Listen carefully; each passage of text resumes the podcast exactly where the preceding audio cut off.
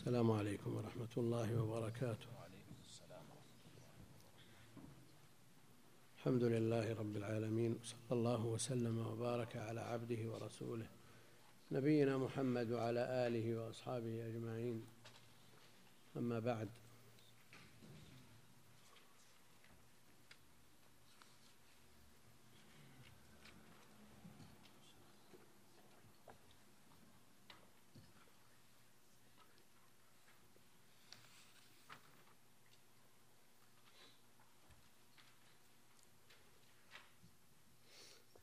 في المسألة السابقة في قول المؤلف رحمه الله تعالى ثم يزور البيت فيطوف به سبعا وهو الطواف الواجب الذي به تمام الحج. ثم يصلي ركعتين إن كان مفردا أو قارنا وقد حل له كل شيء لأنه افترض أنه طاف للقدوم وسعى بعده. المؤلف افترض الآن قال ثم يزور البيت فيطوف به سبعا وهو الطواف الواجب الذي به تمام الحج عن الركن. ثم يصلي ركعتين إن كان مفردا أو قارنا وقد حل له كل شيء. لماذا؟ لأنه افترض أنه طاف للقدوم وسعى بعده سعي الحج. وإن كان متمتعا فيطوف بالبيت سبعا وبالصفا والمروة سبعا كما فعل للعمرة. كما فعل للعمرة. الطواف هذا إيش؟ طواف قدوم. ثم ها؟ والسعي سعي الحج. طواف قدوم والسعي سعي الحج. ويكون حينئذ قدم السعي على الطواف. والطواف عندهم إذا وقع بعد السعي عندهم لو وقع بعد طواف ولو مسنون صح. فهو وقع بعد هذا الطواف المسنون فهو صحيح. افترض أن المفرد والقارن ما طافا للقدوم. يكون حكمهم حكم المتمتع. يأتي إلى البيت يوم النحر ويطوف طواف قدوم ويسعى بعده سعي الحج ثم يطوف طواف الزيارة الذي هو الركن. قال وإن كان متمتعا فيطوف بالبيت سبعا وبالصفا والمروة سبعا كما فعل العمرة لماذا لا يفعل هذا الفعل في العمرة. ليكون طواف القدوم مناسب جدا في وقته. طواف القدوم أول ما يقدم الإنسان. الآن المتمتع أول ما يقدم يطوف ويسعى للعمرة ويحل منها بالحلق أو التقصير. وهذا الحاصل. وكما شرحه بالنسبة للمتمتع. لماذا المتمتع يؤخر طواف القدوم إلى يوم العيد؟ ها؟ حتى إيش؟ يفعل مثل ما فعل هنا. يطوف للقدوم ويسعى سعي العمرة ثم يطوف للعمرة ويحل منها. مثل ما فعل بالحج. أحسن الله إليك. تلك العمرة أتت منفصلة طيب. ثم الحج سلمك. لما أحرم به إحراما جديدا.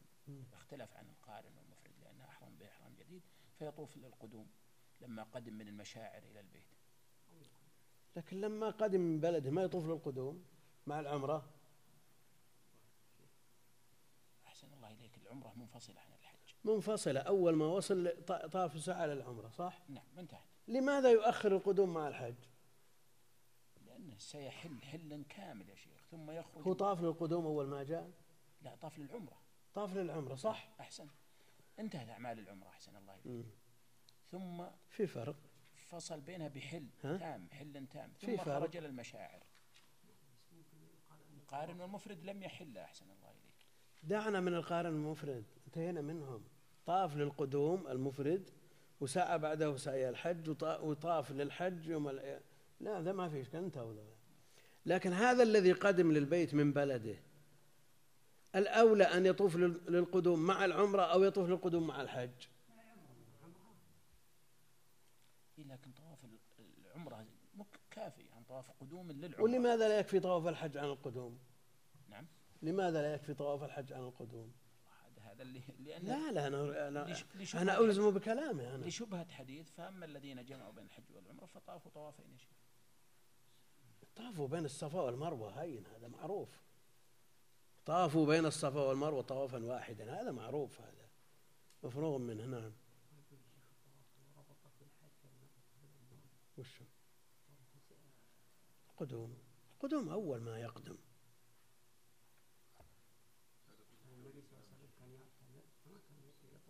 هو الأصل أنه داخل في طواف الركن ومنتهي الإشكال مثل تحية المسجد. وإذا طاف للعمرة أنتهى. هل حفظ أن الصحابة طافوا للقدوم في يوم الذين تمتعوا؟ طافوا للقدوم يوم العيد. ولذلك صاحب المغني يقول لا أعلم أحدا وافق أبا عبد الله على هذا القول. ورواية عن المذهب الخرقي ما جابه من كيسة. هي رواية في المذهب لكن ابن قدامة يقول لا أعلم أحدا وافق أبا عبد الله على هذا القول. خلاص إذا جاء طاف للعمرة ثم سعى لها وفي يوم العيد يطوف للحج ويسعى لها وينتهي الإشكال. أراد أن يتطوع بطواف فلا حد له. ها؟ والمفرد والمتمتع كذلك. إذا ما طاف للقدوم طاف القدوم سنة. وبعدين فات محله هو وقت القدوم أصلا. طواف القدوم في وقت القدوم وقد فات محله. لا مكان له في يوم العيد.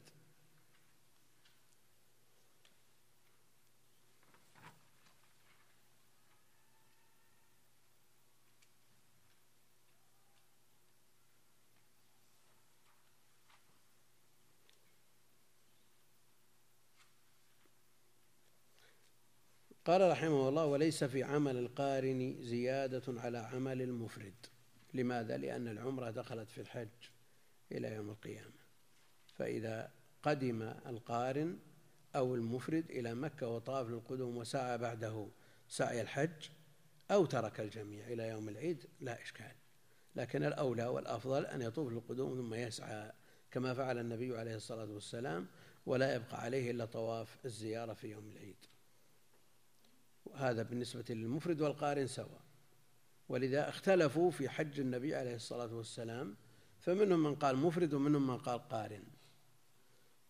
بناء على أن الصورة واحدة. لا يتبين منها هل هو مفرد أو قارن إلا بالنية. وقد ثبت أنه جمع بينهما في التلبية لما لبى بهما معا. ومنهم من قال كما تقدم متمتع واسم التمتع الأعم يشمل القارن لأنه جمع بين النسكين في سفر واحد. إلا أن عليه دما. دم القرآن كدم التمتع واجب. ودم نسك لا دم جبران. إذ لا نقص في التمتع ولا في القرآن إنما هو دم نسك. ولو قيل شكر أن جمع الله لهذا الحاج بين نسكين في سفر واحد وأسقط عنه أحد السفرين المقصود أنه نسك وليس بجبران لأن من يرجح الإفراد يقول لأن التمتع والقران بحاجة إلى جبران بهذا الهدي. نقول لا هذا ليس بدم جبران وإنما هو دم تمتع بدليل أنه يؤكل منه. تأكل منه كما تأكل من الأضحية. ولو أكلت أكثره ما فيه بأس. ولو كان دم جبران ما جاز الأكل منه. إلا أن عليه دما دم شاه أو سبع بدنة أو سبع بقرة. فمن لم يجد فمن تمتع بالعمرة إلى الحج فما استيسر من الهدي. يعني فالواجب ما استيسر من الهدي. فإن حصرتم فما استيسر من الهدي. يعني الواجب ما استيسر من الهدي. وقد بين في موضعه. قال فإن لم يجد فصيام ثلاثة أيام في الحج يكون آخرها أو آخرها يجوز أن يكون الخبر والمبتدأ يوم عرفة أو يوم عرفة. يوشك أن يكون خير ما للمسلم غنما أو خير ما للمسلم غنم. هذا مثله. يكون آخرها يوم عرفة أو يكون آخرها يوم عرفة على التقديم والتأخير وسبعة إذا رجع سبعة إذا رجع. يلزم على هذا ويقول يكون آخرها يوم عرفة يعني يصوم يوم عرفة وهو حاج. يصوم يوم عرفة وهو حاج فيصوم السابع والثامن والتاسع. فعليه أن يحرم قبل السابع لتكون الثلاثة في الحج. وإن أحرم قبل السادس لتكون في الحج ويفطر يوم عرفة لأن يوم عرفة جاء النهي عن صيامه. قال بعضهم إنه لا يصح بل, بل يأثم صاحب. وإن كان الجمهور على أنه للكراهة. وصام ابن عمر وغير ابن عمر في في يوم عرفة بعرفة. المقصود أنه خلاف الأولى. ولو قيل بالكراهة ما بعد وأما التأثيم فيحتاج إلى إلى نص. نص ملزم.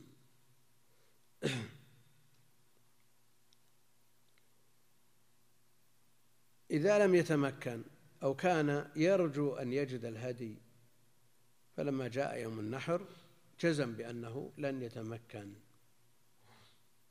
يصوم أيام التشريق. يصوم أيام التشريق. وأيام التشريق أيام أكل وشرب. لا يجوز صيامها إلا لمن لم يجد الهدي. إلا لمن لم يجد الهدي فإنه يصوم هذه الثلاثة الأيام ليكون صيامه في الحج. طيب انتهت أيام التشريق ما صام؟ ما صار صيامه في الحج. يصوم. يعني ما في بلده مع مع السبعة لأنها انتهت أيام الحج. وسبعة إذا رجع مسألة التفريق بين هذه العشرة الأيام منصوص عليها في القرآن. فصيام ثلاثة أيام في الحج وسبعة إذا رجعتم. لكن لو قال أنا في هذا المكان أفرغ مني في بلدي. أصوم الثلاثة التي أيام التشريق وأتابع. وأتابع إلى الحادي والعشرين. أنا بجلس في مكة وأصومها وأحصل على أجر الصيام بمكة. هل يلزم أن يكون الصيام في بلده؟ نعم. هو من باب مراعاة الصائم. وأنه في الغالب أنه في بلده الصيام أيسر له من الصيام في السفر. أيسر له من الصيام في السفر. لكن إذا تحمل وقال هذا أيسر لي لأن بعض الناس أيسر بالفعل. أيسر له أن يصوم. نعم.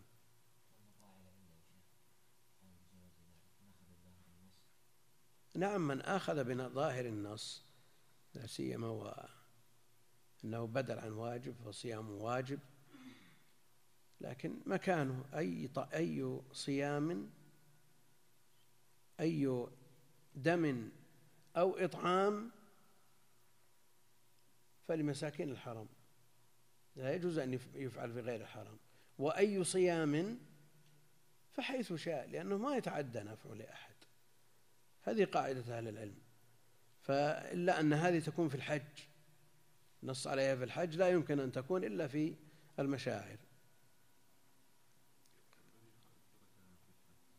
نعم.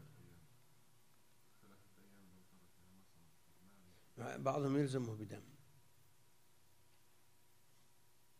وبعضهم لا يجيز له صيام على ما سيأتي. صيام أيام التشريق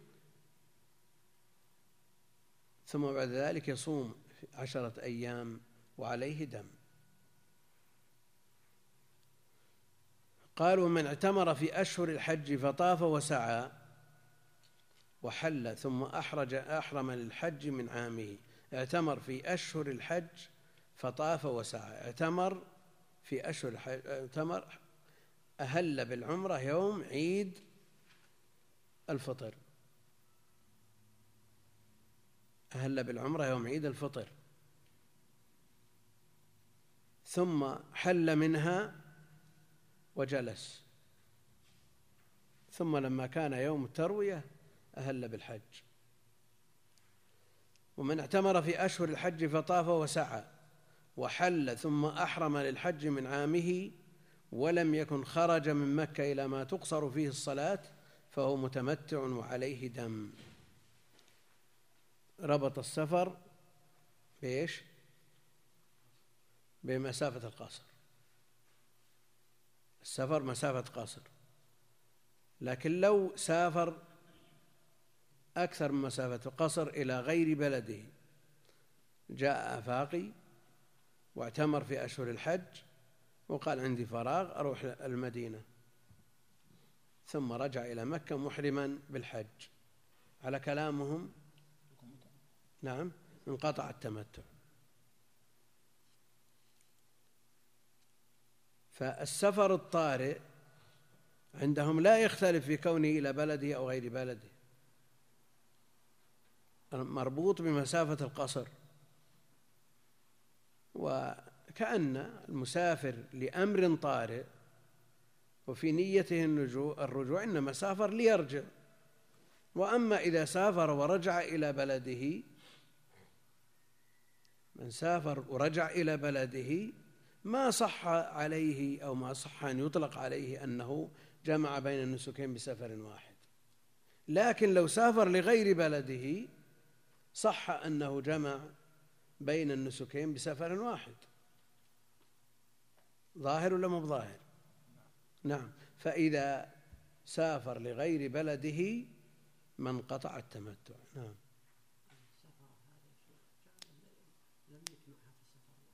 في سفر واحد لأن الأصل أن الإنسان يسافر للنسك من بلده. الأصل أنه يسافر للنسك من بلده.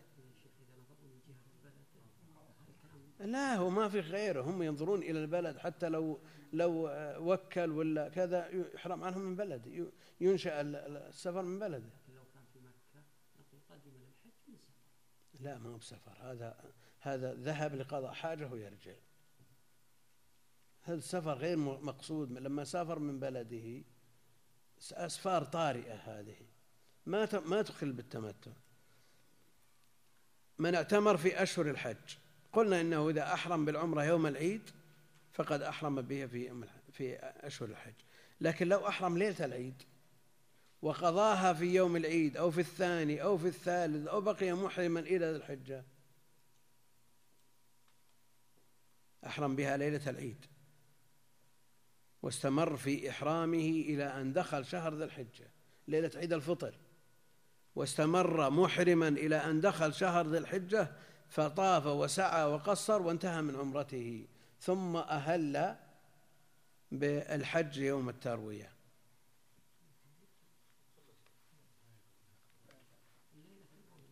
ها؟ صح.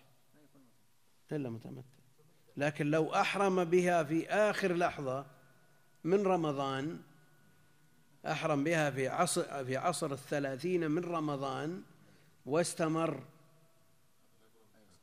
نعم. العبرة بالحال أو بالمآل. نعم العبرة بالحال. فإنه حينئذ لا يكون متمتعا. إذا أحرم بها قبل أشهر الحج. من أهل العلم وقول معتبر قول الشافعية وغيرهم أن العبرة بالطواف.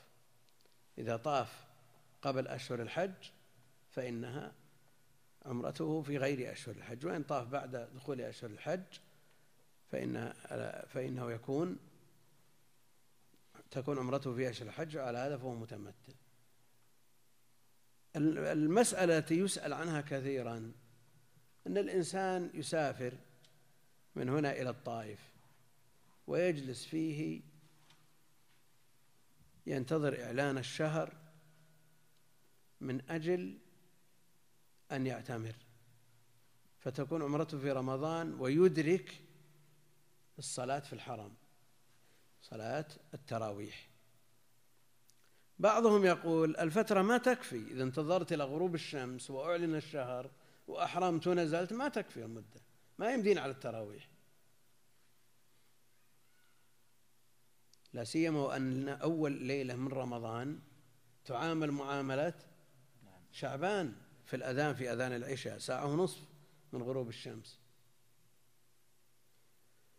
بخلاف الليالي الأخرى. يقول أحرم قبل غروب الشمس ولا أعتمر إلا بعد غروبها. يعني بعد بعد دخول الشهر نقول لا العبرة بالحال لا بالمال. عمرتك شعبانية وليست رمضانية. وعلى قول الشافعي إذا طاف في رمضان وسعى وأتى بما بعد الطواف عمرته رمضانية. لكن الأحوط أن لا يحرم إلا بعد دخول الشهر. طيب أحرم في آخر لحظة. في المسألة افترضناها سابقا. من رمضان؟ وما أدى العمرة إلا لما دخل ذو الحجة. دخل شهر ذو الحجة قلنا إنه ليس بمتمتع وعمرته رمضانية. لكن على قول الشافعي لا هو متمتع وعمرته شوالية على ما قال. ومن اعتمر في أشهر الحج فطاف وسعى وحل ثم أحرم للحج من عامه. ولم يكن خرج من مكة إلى ما تقصر فيه الصلاة فهو متمتع وعليه دم. فإن لم يجد صام ثلاثة أيام آخرها يوم عرفة وسبعة إذا رجع يعني وكرر الكلام في في القارن والمفرد. كرر آه، الكلام بمقدار سطرين للقارن والمفرد. ولو أدرجهما معا لكان أولى على طريقة المتون. المتون ما تحتمل مثل هذا التكرار التمتع على الوجوب كيف؟ يعني التمتع هنا على الوجوب يعني من اعتمر في اشهر الحج إيه؟ طيب. اصبح ملزم بان يكون متمتعا إن حج فهو متمتع. وإن رجع إلى أهله فهو غير متمتع لا لا لا خلاص. ما دام اعتمر ولا سافر فهو متمتع. شاء ما فإن لم يصم قبل يوم النحر صام أيام منى في إحدى الروايتين عن أبي عبد الله. وهذا هو المعتمد في المذهب أنه يصوم أيام منى ولم يرخص في أيام منى أن تصام إلا لمن لم يجد الهدي. صام أيام منى في إحدى الروايتين عن أبي عبد الله رحمه الله والرواية الأخرى لا يصوم أيام منها ويصوم بعد ذلك عشرة أيام عليه دم. لأنه فوت ها؟ يوم إيش؟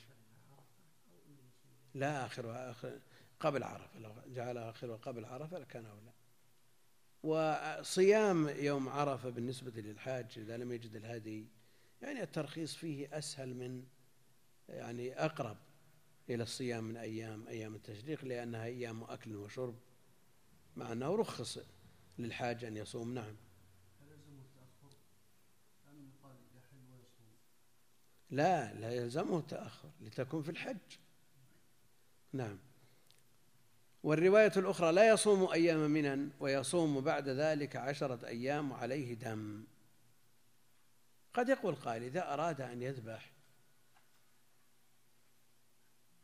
فلماذا يلزم بالصيام وهو بدل عن الذبح؟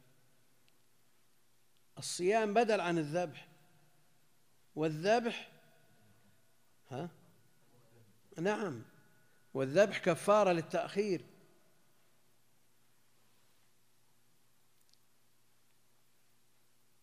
إذا وجد الدم وهو الأصل لماذا لا يرجع إليه؟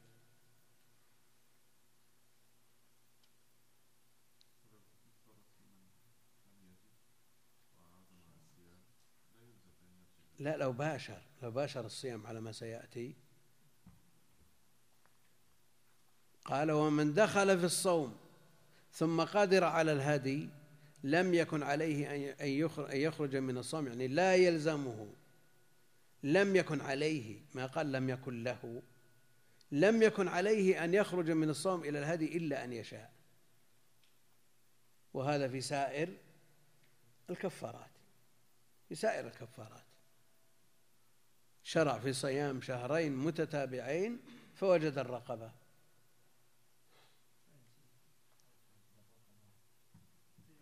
ها؟ شلون؟ هو ما وجد الرقبة لكن شرع في صيام شهرين متتابعين فوجد الرقبة. هل نقول أعتق يلزمك أن تعتق ولا استمر في الصيام؟ يستمر في الصيام. خلاص يستمر في الصيام. نعم.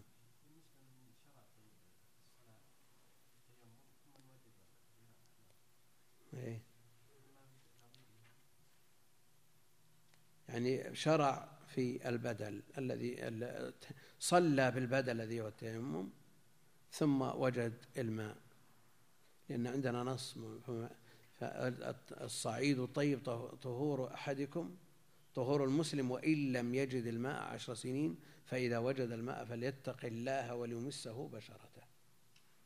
فليتق الله وليمسه بشرته. من دخل في الصوم ثم قدر على الهدي لم يكن عليه مفهومه أن له أنه يجوز له أن يذبح الهدي. يجوز له أن يذبح الهدي.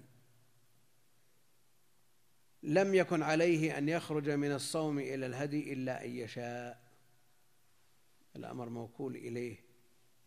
طيب. لا يصوم أي ويصوم بعد ذلك عشرة أيام عليه دم. هذا قدر على الهدي. ألا يكفيه عن الصيام كالصورة التي تليها؟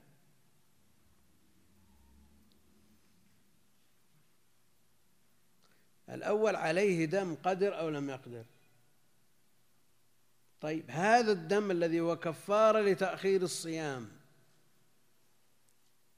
إذا عجز عنه هل يصوم عشرة أيام؟ ها؟ سؤال. قال ويصوم على ذلك عشرة أيام وعليه دم.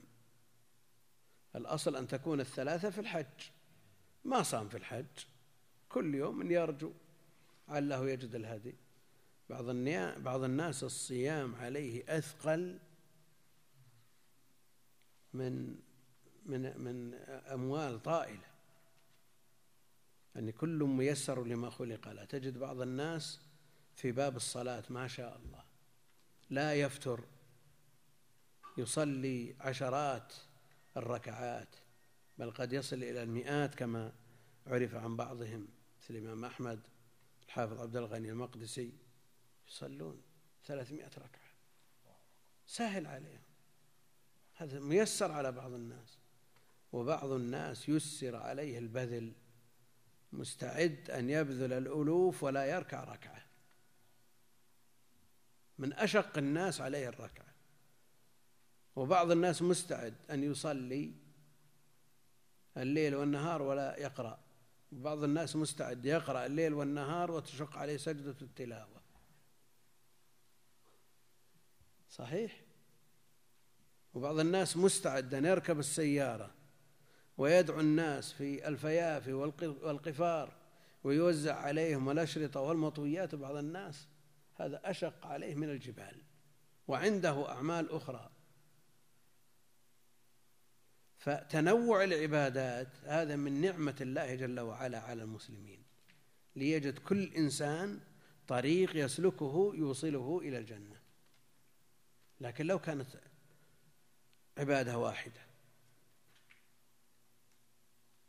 فلا شك أن مثل هذه أما بالنسبة للفرائض والواجبات هذه مطلوبة من كل أحد سواء وافقت رغبته وهواه أو لا. لو كان من أشح الناس عليه أن يؤدي الزكاة. ولو كان من أكسل الناس وأضعفهم إرادة عليه أن يصوم رمضان ويصلي الصلوات الخمس هذه ما عليها مساومة. لو كان من أجبل الناس عليه أن يحج إذا استطاع المقصود أن الفرائض ما عليها مساومة لكن الكلام في النوافل كل ميسر لما خلق له والنبي عليه الصلاة والسلام اختلفت أجوبته عن أفضل الأعمال نظرا لأحوال السائلين طيب هذا ما وجد الدم الذي هو كفارة تأخير الصيام هل نقول يصوم عشرة أيام عنه؟ ها؟ لا يضع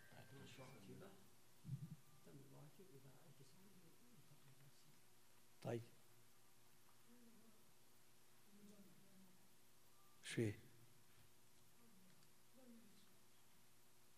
وسقطت الكفارة ولا بقيت في ذمته؟ من قالوا؟ هذا قول معروف عند العلم لكن المرجح أنها واجبة في ذمته حتى يجد كسائر الكفارات سائر الديون ولذلك يقولون في آه، الحقوق المتعلقة بالتركة الخمسة مؤونة التجهيز ثم الديون المتعلقة بعين التركة كالدين برهن الديون المطلقة ومنها الكفارات. ديون الله جل وعلا. تبقى في ذمته.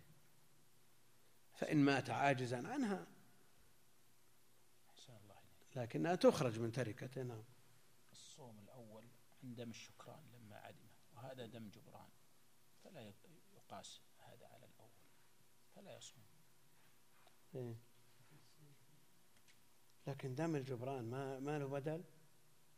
في فدية الأذى يا شيخ حسن. ما له بدل؟ في فدية الأذى له بدل. في فدية صيام ثلاثة أيام. في فدية الأذى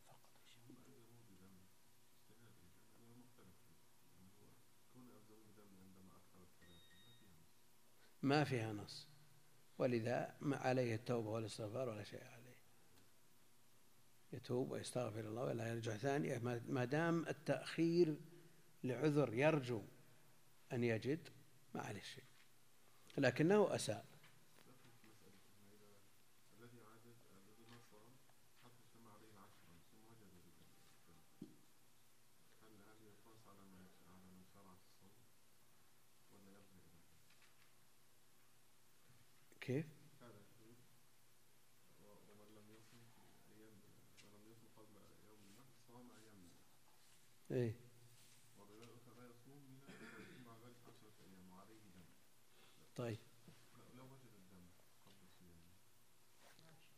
بعد الحج؟ بعد انتهاء الحج. بعد انتهاء الآن ألزموه بصيام عشرة أيام لأنهم انتهى الحج وما وجد. ثم بعد ذلك وجد. هل يدخل في قوله ومن دخل في الصوم ثم قدر على الهدي؟ هل يدخل ولا ما يدخل؟ من دخل في الصوم ثم قدر على الهدي لم يكن عليه يخرج من الصوم إلى الهدي إلا أن يشاء.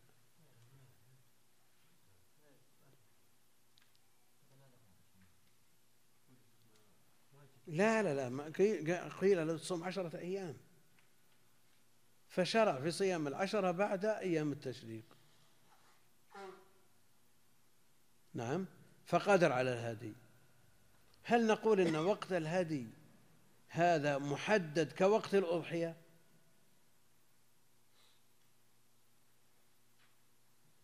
ها؟ هل نقول إن وقت الهدي هدي المتعة والقرآن محدد بآخر أيام التشريق كوقت الأضحية؟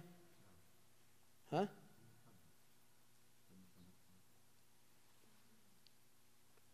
بدايته بداية وقت الأضحية. ونهايته.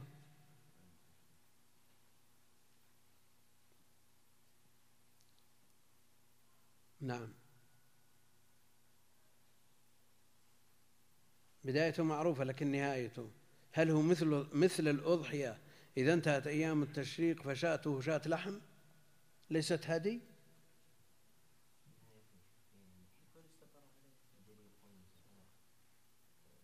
فصيام. طيب. فمن لم يجد في أيام الحج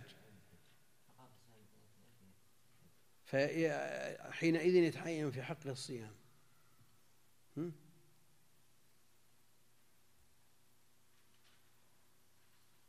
لكن الجملة التي تليها ومن دخل في الصوم ثم قدر على الهدي لم يكن عليه يخرج من الصوم إلى الهدي إلا أن يشاء.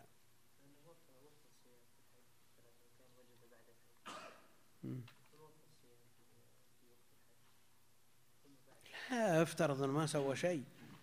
أو أراد أن ينتقل يقول بقي سابعه بصوم بلدي الهدي أهون علي. لا لا انتهت أيام الحج. هل نقول إن الهدي بعد أيام الحج بعد أيام التشريق شاة لحم مثل ما يقال للمضحي؟ شاتك شاة لحم؟ ليست هدي ولا أضحية؟ المقتضى التحديد في الآية يقتضي هذا التحديد في الآية يقتضي هذا. قال والمرأة إذا دخلت متمتعة فحاضت وخشيت فوات الحج. والمرأة إذا دخلت متمتعة فحاضت وخشيت فوات الحج أهلت بالحج وكانت قارنة. يعني كما حصل لعائشة رضي الله عنها. أهلت بالعمرة ثم حاضت. ثم ضاق عليها الوقت عن أداء العمرة قبل وقت الحج. أدخلت الحج على العمرة فصارت قارنة. أدخلت الحج فصارت قارنة. جاء ما يدل على أنها رفضت العمرة. ارفضي عمرتك. اتركي العمرة. وتقدم أن النسك لا يمكن رفضه. ولا يتم رفضه بمجرد الرفض لأنه خلاص يلزمه الإتمام. طيب. في هذه الصورة يعني مسألة الرفض جاء التصريح بها مع أنها لما انتهت من الحج قالت يرجع الناس بحج وعمرة وأرجع بحج. هل كان حجها قران أو إفراد؟ يعني هذه الأمور ما تدل على أنه إفراد؟ يعني من أهل العلم من قال إنها أفردت رفضت العمرة وانتهت. بأمره عليه الصلاة والسلام هذا من رواية عروة عنها. لكن أكثر الرواة ما ذكروا مسألة الرفض. إنما أمرها النبي عليه الصلاة والسلام أن تغتسل وتهل بالحج. فتدخل الحج على العمرة. تدخل الحج على العمرة فتصير قارنة. قال والمرأة إذا دخلت متمتعة فحاضت وخشيت فوات الحج أهلت بالحج. وكانت قارنة. ولم يكن عليها قضاء طواف القدوم. ولم يكن عليها قضاء ولم يكن عليها قضاء طواف القدوم. لماذا المتمتع يقضي طواف القدوم؟ لأنها لما كانت متمتعة عليها قضاء طواف القدوم. لكن لما أدخلت الحج على العمرة ليس عليها قضاء طواف القدوم. هل هناك من فرق؟ ها؟ إحنا عندنا المتمتع القارن والمفرد الذين ما طافوا للقدوم هم أولى بالطواف من من المتمتع لأنه طاف لما قدم. طواف العمرة ودخل في طواف القدوم. لكن نعود إلى ما تقدم تقريره من أن هذه الرواية ضعيفة يعني ثابتة عن الإمام لكن ضعيفة استدلالا. نعم؟ ومع ذلك يقول ابن قدامة لم يوافق أبا عبد الله عليها أحد.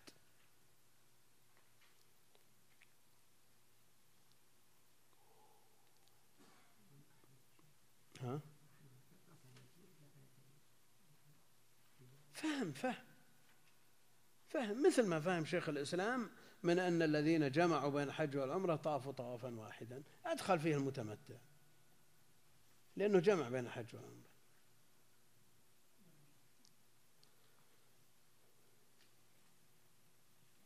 من ضاق عليه الوقت ممن يشبه حال الحائض التي لا تتمكن من أداء العمرة قبل ضيق الوقت على الحج حكم حكم.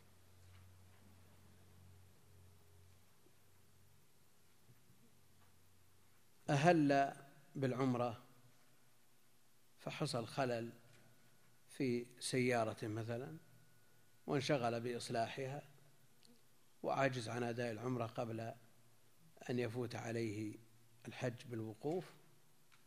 فإنه حينئذ يدخل الحج على العمرة مثل الحائض عذره ظاهر. قال ومن وطئ قبل أن يرمي جمرة العقبة. ومن وطئ قبل أن يرمي جمرة العقبة فقد فسد أو بطل حجهما وعليه دم. نسخة بدنة ها؟ إيه. هذا المعروف. ومن وطئ قبل أن يرمي جمرة العقبة. الحنفية عندهم أنه إذا وقف بعرفة فالوطء لا يفسد حجه لأن الحج عرفة.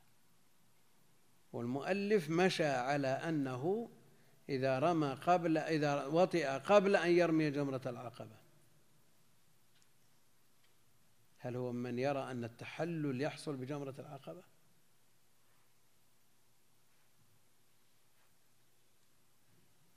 هل هو يرى هذا؟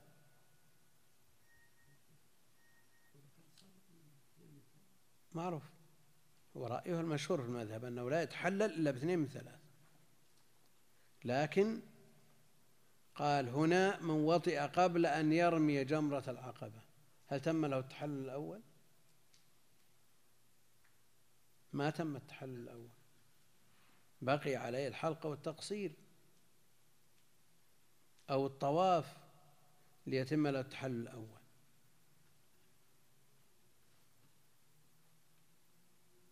والمذهب يقرنون الوطء المفسد للحج. نعم. يعني مفهوم العبارة ولا منطوقها واضح؟ منطوقها أنه وطئ قبل جمرة العقبة معناه قبل التحلل الأول. لكن لو تحلل بغير جمرة العقبة بالطواف والحلق مثلا على كلامه أنه يفسد حجه. يعني مفهوم كلامه أن حجه بطل. وعلى المذهب لا يبطل الحج. المقرر المذهب أنه لا يبطل الحج. قال ومن وطئ قبل أن يرمي جمرة العقبة فقد فسد حجهما أو بطل حجهما. لكن لعل الكلام هذا شيخ خرج مخرج الغالب أن الأصل أن يبدأ القادم من مزدلفة بجمرة العقبة. يعني لكن لكن أهل العلم لا سيما أصحاب المتون محاسبون على عباراتهم. لكن لما تقدم ما يوضح هذا أحسن الله إليك فيجمع بين العبارتين أن يكون مراد أن هذا خرج مخرج الغالب. إيه لكن مفهومه أنه لا يحتاج إلى إلى أمر ثاني. هذه مسألة. الأمر ها؟ أحسن الله إليك. معناه أنه إذا لم يشرع في أسباب التحلل يعني لم يشرع أصلا في أسباب التحلل. طيب شرع في أسباب التحمل ورمى جمرة العقبة هو طيب ما الحكم؟ المذهب يبطل حج. يبطل حج نعم, نعم. طيب. هو ملزم. ملزم بمفهوم كلامه. أي واحد يلزم بمنطوقه ومفهومه. وأصحاب المتون لا شك أنهم يراعون الدقة في هذا ولا يضعون الكلمة إلا في موضعها. ويأبى الله الكمال إلا لكتابه. واعتذرنا له فيما سبق بأنه أول متن ومعلوم أن أول من يؤلف يحصل عنده شيء من من النقص والتقصير والخلل يكمله من جاء بعده. يعني الشراح لما بينوا بعض الخلل في المتن هذا جاء من ألف من من أصحاب المتون فيما بعد استدركوا هذه الانتقادات. طيب إذا وطئ قبل التحلل الأول. والتحلل الأول يكون باثنين من ثلاثة أو بواحد على قول ويمشي عليه هذا لأن صاحب المغني رجح أن التحلل يحصل برمي جمرة العقبة. على كل حال هذا قول معتبر وله أدلته وله جمهوره لكن يبقى أن الذي مشينا عليه في المذهب أنه لا يتحلل إلا باثنين من ثلاثة. وطئ قبل التحلل الأول. هذا يبطل حجه وبطلانه بدليل صحيح صريح مرفوع ولا ما فيه دليل؟ إنما فيه فتاوى صحابة فتاوى الصحابة رضوان الله عليهم. يبطل حجهما. لماذا؟ لماذا لا يبطل حجه هو؟ فهو الذي وطئ والمرأة ما وطئت بل هي موطوءة. نعم قال فبطل حجهما. لأن شريكه له في ما يترتب على الجماع في جميع ما يترتب على الجماع.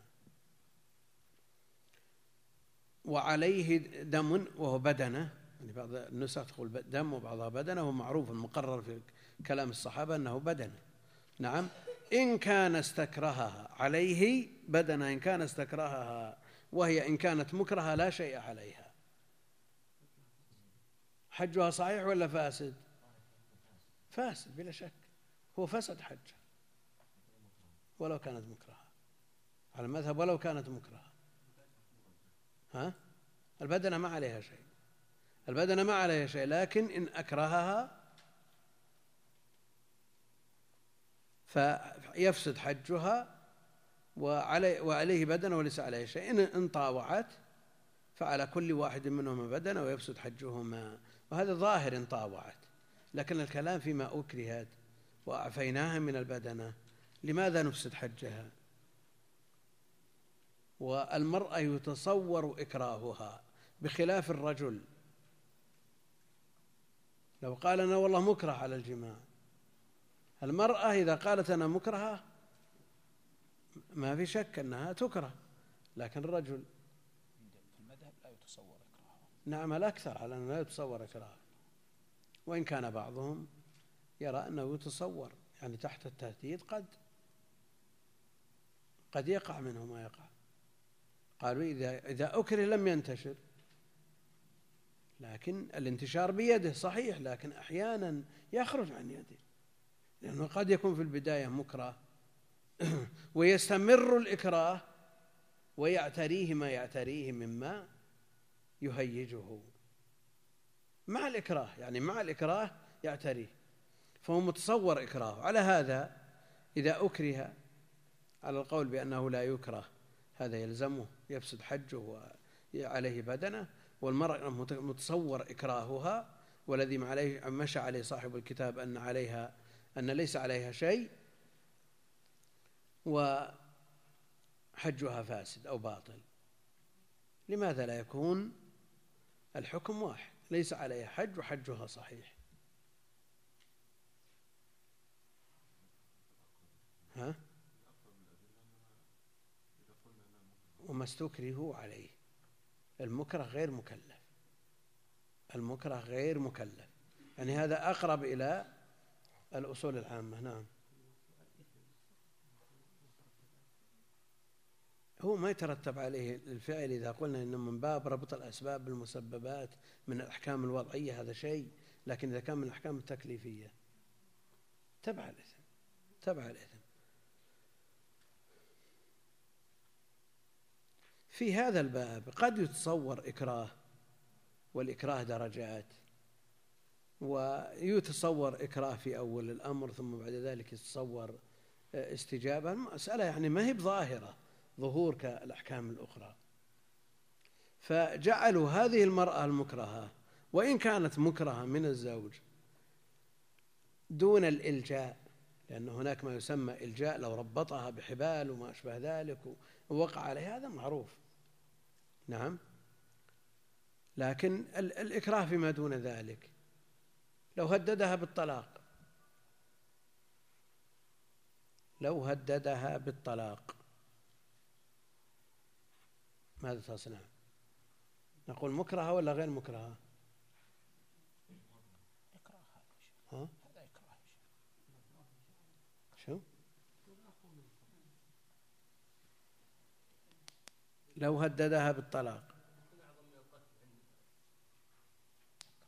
لا لا لا في قضايا. السؤال سؤال يدل أن هذا العمل أشد عندها من من الطلاق.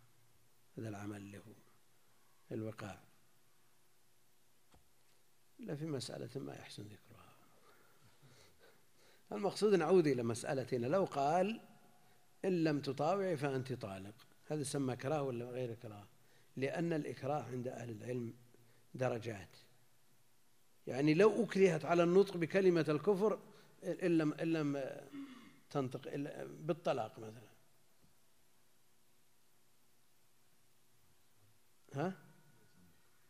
إكراه ولا لا؟ لكن من الذي يكرهها على النطق بكلمة الكفر لا يكون الزوج. ها؟ أقول لا يكون زوج لأنه لا يكون لا يتصور يكون كافر. لا يتصور مسلم يكره على كلمة الكفر وإن كان كافرا فلا يجوز البقاء معه. نعود إلى مسألتنا إذا هددها بالإكراه إن لم تستجب. ها؟ فهل هذا إكراه ولا ما هو بإكراه الذي يظهر أنه إكراه يا شيخ حسن الله لأن لها فروع كثيرة.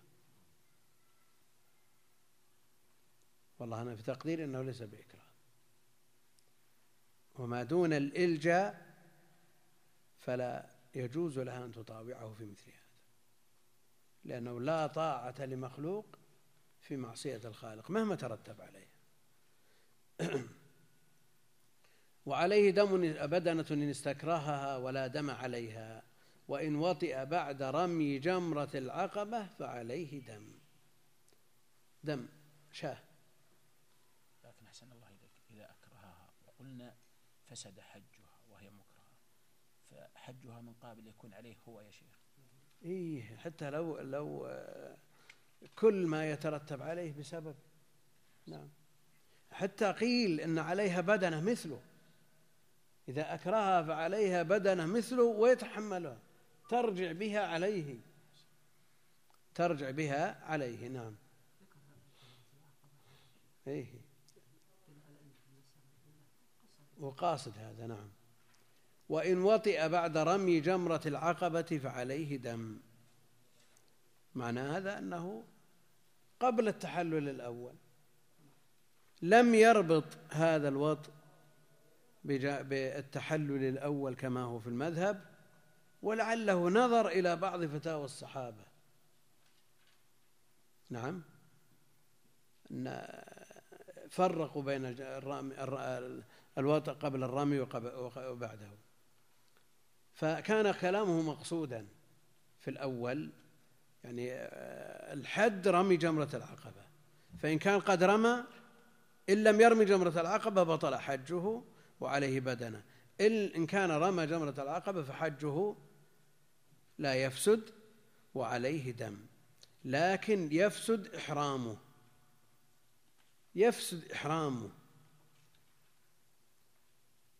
وهذا هو المذهب أنه يفسد إحرامه. طيب على كلامه هو ما زال في إحرامه. يعني ما فسد حجه وفسد إحرامه ما زال عليه ثياب الإحرام لأنه ما تحلل التحلل الأول. ففسد إحرامه وحينئذ الكلام متجه. لكن على المذهب الذي تحلل التحلل الأول ولبس ثيابه وانتهى من من الإحرام. نعم؟ وش اللي يفسد ما دام ما انتهى ولبس ثياب ثيابه المعتادة؟ لأن حتى على المذهب هنا فسد إحرامه ويذهب إلى التنعيم أو إلى أدنى الحل فيحرم لبقية ما بقي من الحج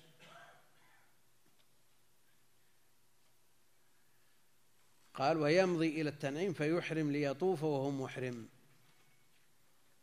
فيحرم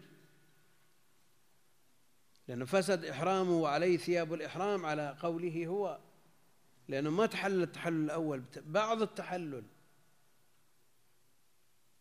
اللهم إلا إذا كان يرى التحلل الأول بالرمي فقط. نعود إلى عبارته السابقة. ها؟ كيف؟ شو يقول؟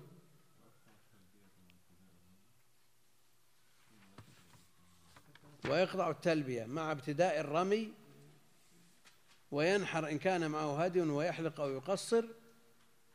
لا لا ظاهر. ذكر ثلاثة أشياء.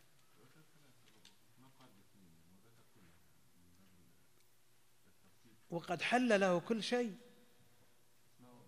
مفهومه أنه لم يفعل هذه الثلاثة لا بقي الثالث وهو الطواف. لا هين النحر؟ هذا ما له اعتبار عندهم. لكنه فعل رتبها على فعل النبي عليه الصلاة والسلام. فالظاهر في كونه يحصل له التحلل الأول قبل قبل الطواف. ولا يحصل له إلا بعد أن يفعل ما قبل الطواف.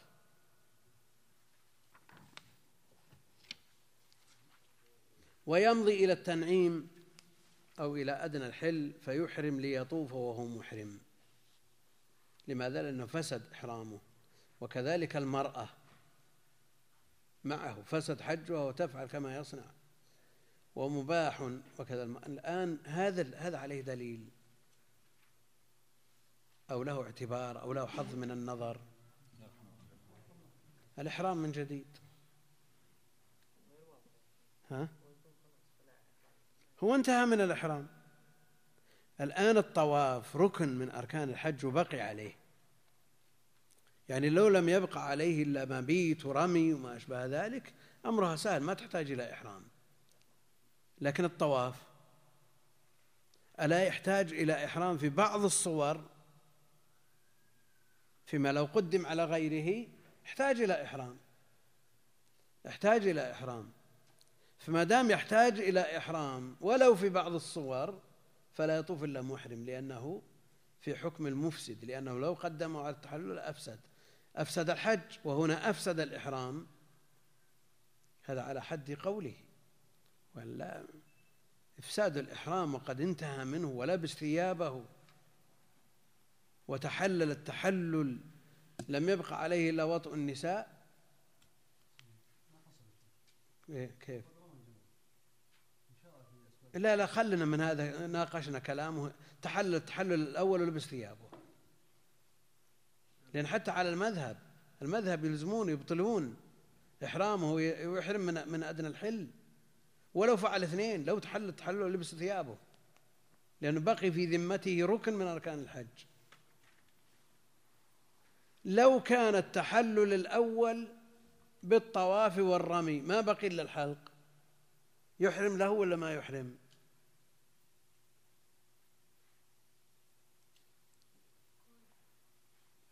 ها؟ طيب لكن عندهم في المذهب إذا وطئ بعد التحلل الأول فسد إحرامه. صح حجه وفسد إحرامه. ويحرم.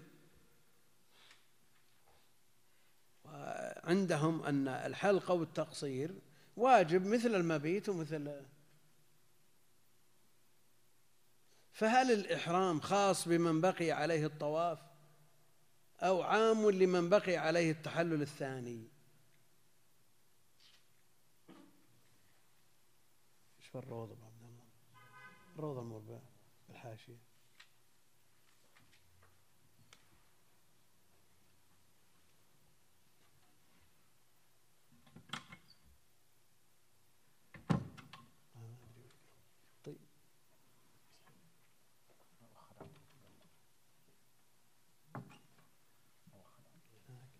اللي فوق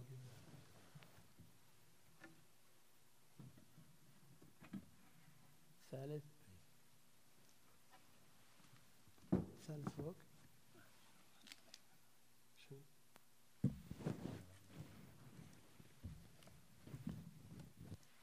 هذه الزكاة من اعتكف مواقيت. الرابع الذي بعده.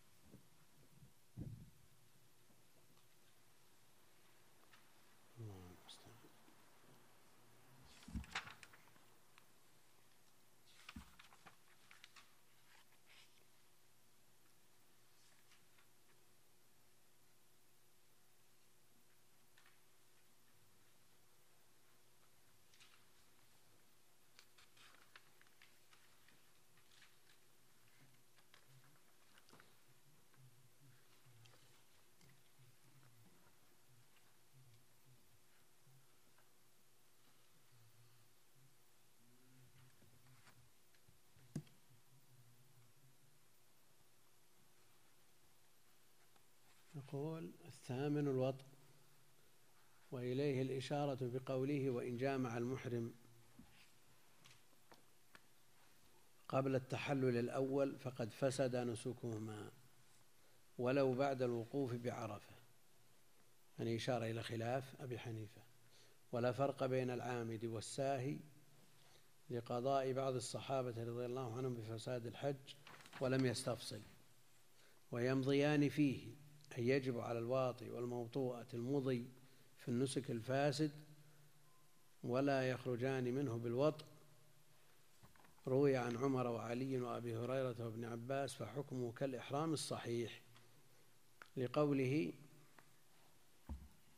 وأتم الحج والعمرة لله ويقضيانه وجوبا ثاني عام. روي عن ابن عباس وابن عمر وابن عمرو وغير المكلف يقضي بعد بعد تكليفه. وحجة الإسلام فورا من حيث أحرم أولا إن كان قبل الميقات وإلا فمنه وسن تفرقهما في قضاء من موضع وطء إلى أن يحلا والوطء بعد التحلل الأول لا يفسد النسك وعليه شاة ولا فدية على مكرهاه ونفقة حجة قضاء عليه لأنه مفسد نسكها.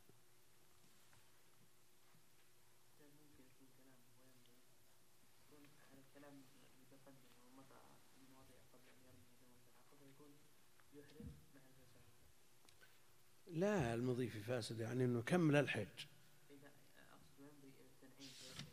ما في يمضي للتنعيم ويمضيان في فاسد. نعم.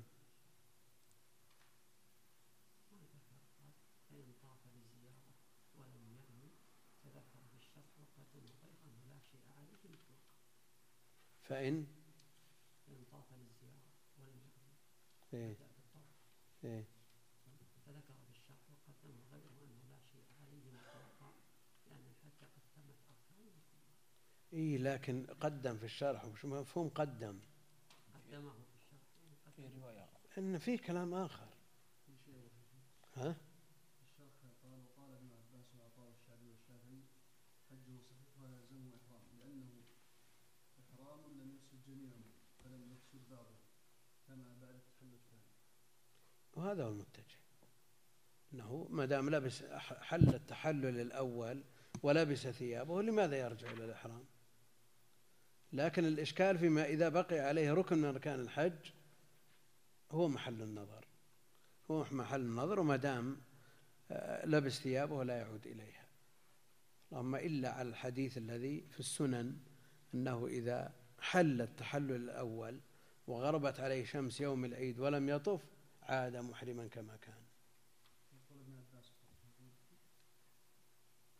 نعم يقول هذا قول ابن عباس ولم يرد القول بتجديد الإحرام عن عدد الصحابة وقد روى الإمام مالك ومن طريقه البيهقي عن عكرمة قال لا أظنه إلا عن ابن عباس أنه قال في الذي يصيب آدم قبل أن يفيض يعتمر ويهدي وهذا مخالف لما ثبت عن ابن عباس كما سبق وفي إسناده شك شك عكرمة فيما رواه عنه على كل حال من لبس ثيابه لا يعود إليها.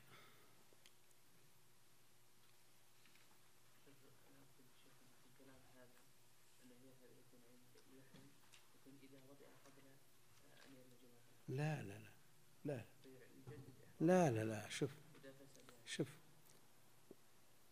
وإن وطئ بعد رمي جمرة العقبة فعليه دم ويمضي إلى التنعيم. هذا معروف في المذهب أنه بطل إحرامه. فيحرم ليطوف وهو محرم. فتجديد الإحرام من أجل الطواف. وإذا كان قد طاف آه، فلا يجدد. وكذلك إذا يعني يعني من خلال كلامه. وأما المختار أنه لا لا يعود إلى الإحرام ما دام آه، حل منه.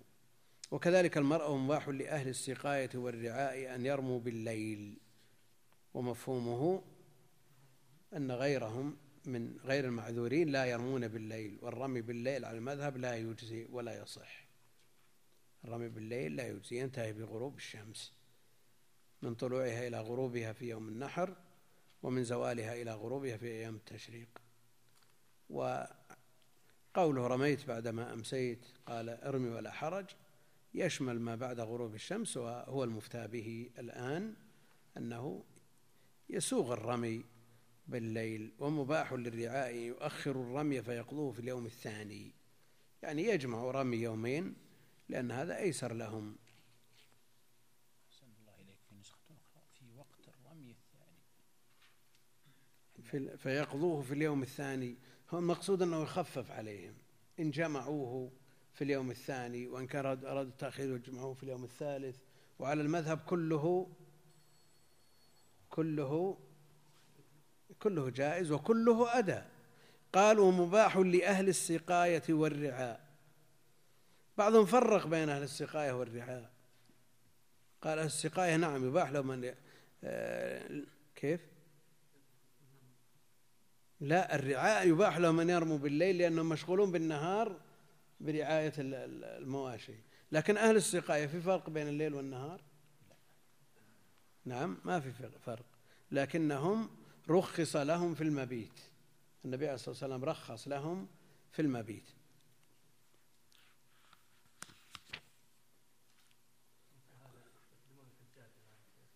مثل من من يقوم بخدمة الناس وعمله يتطلب أن أن يوجد في غير منى أو لا يتمكن من الرمي في وقته مثله. مثل الشرط الذين يحمون أقول يحافظون على الأمن ومثله الأطباء ومثلهم كلهم من له من ترتبط به مصلحة عامة. إيه؟ لا لا السقاية مكة. السقاية ها؟ الترخيص نعم يجمعون في اليوم الثاني. العصر جمعة. عاد ما هو مثل غيره.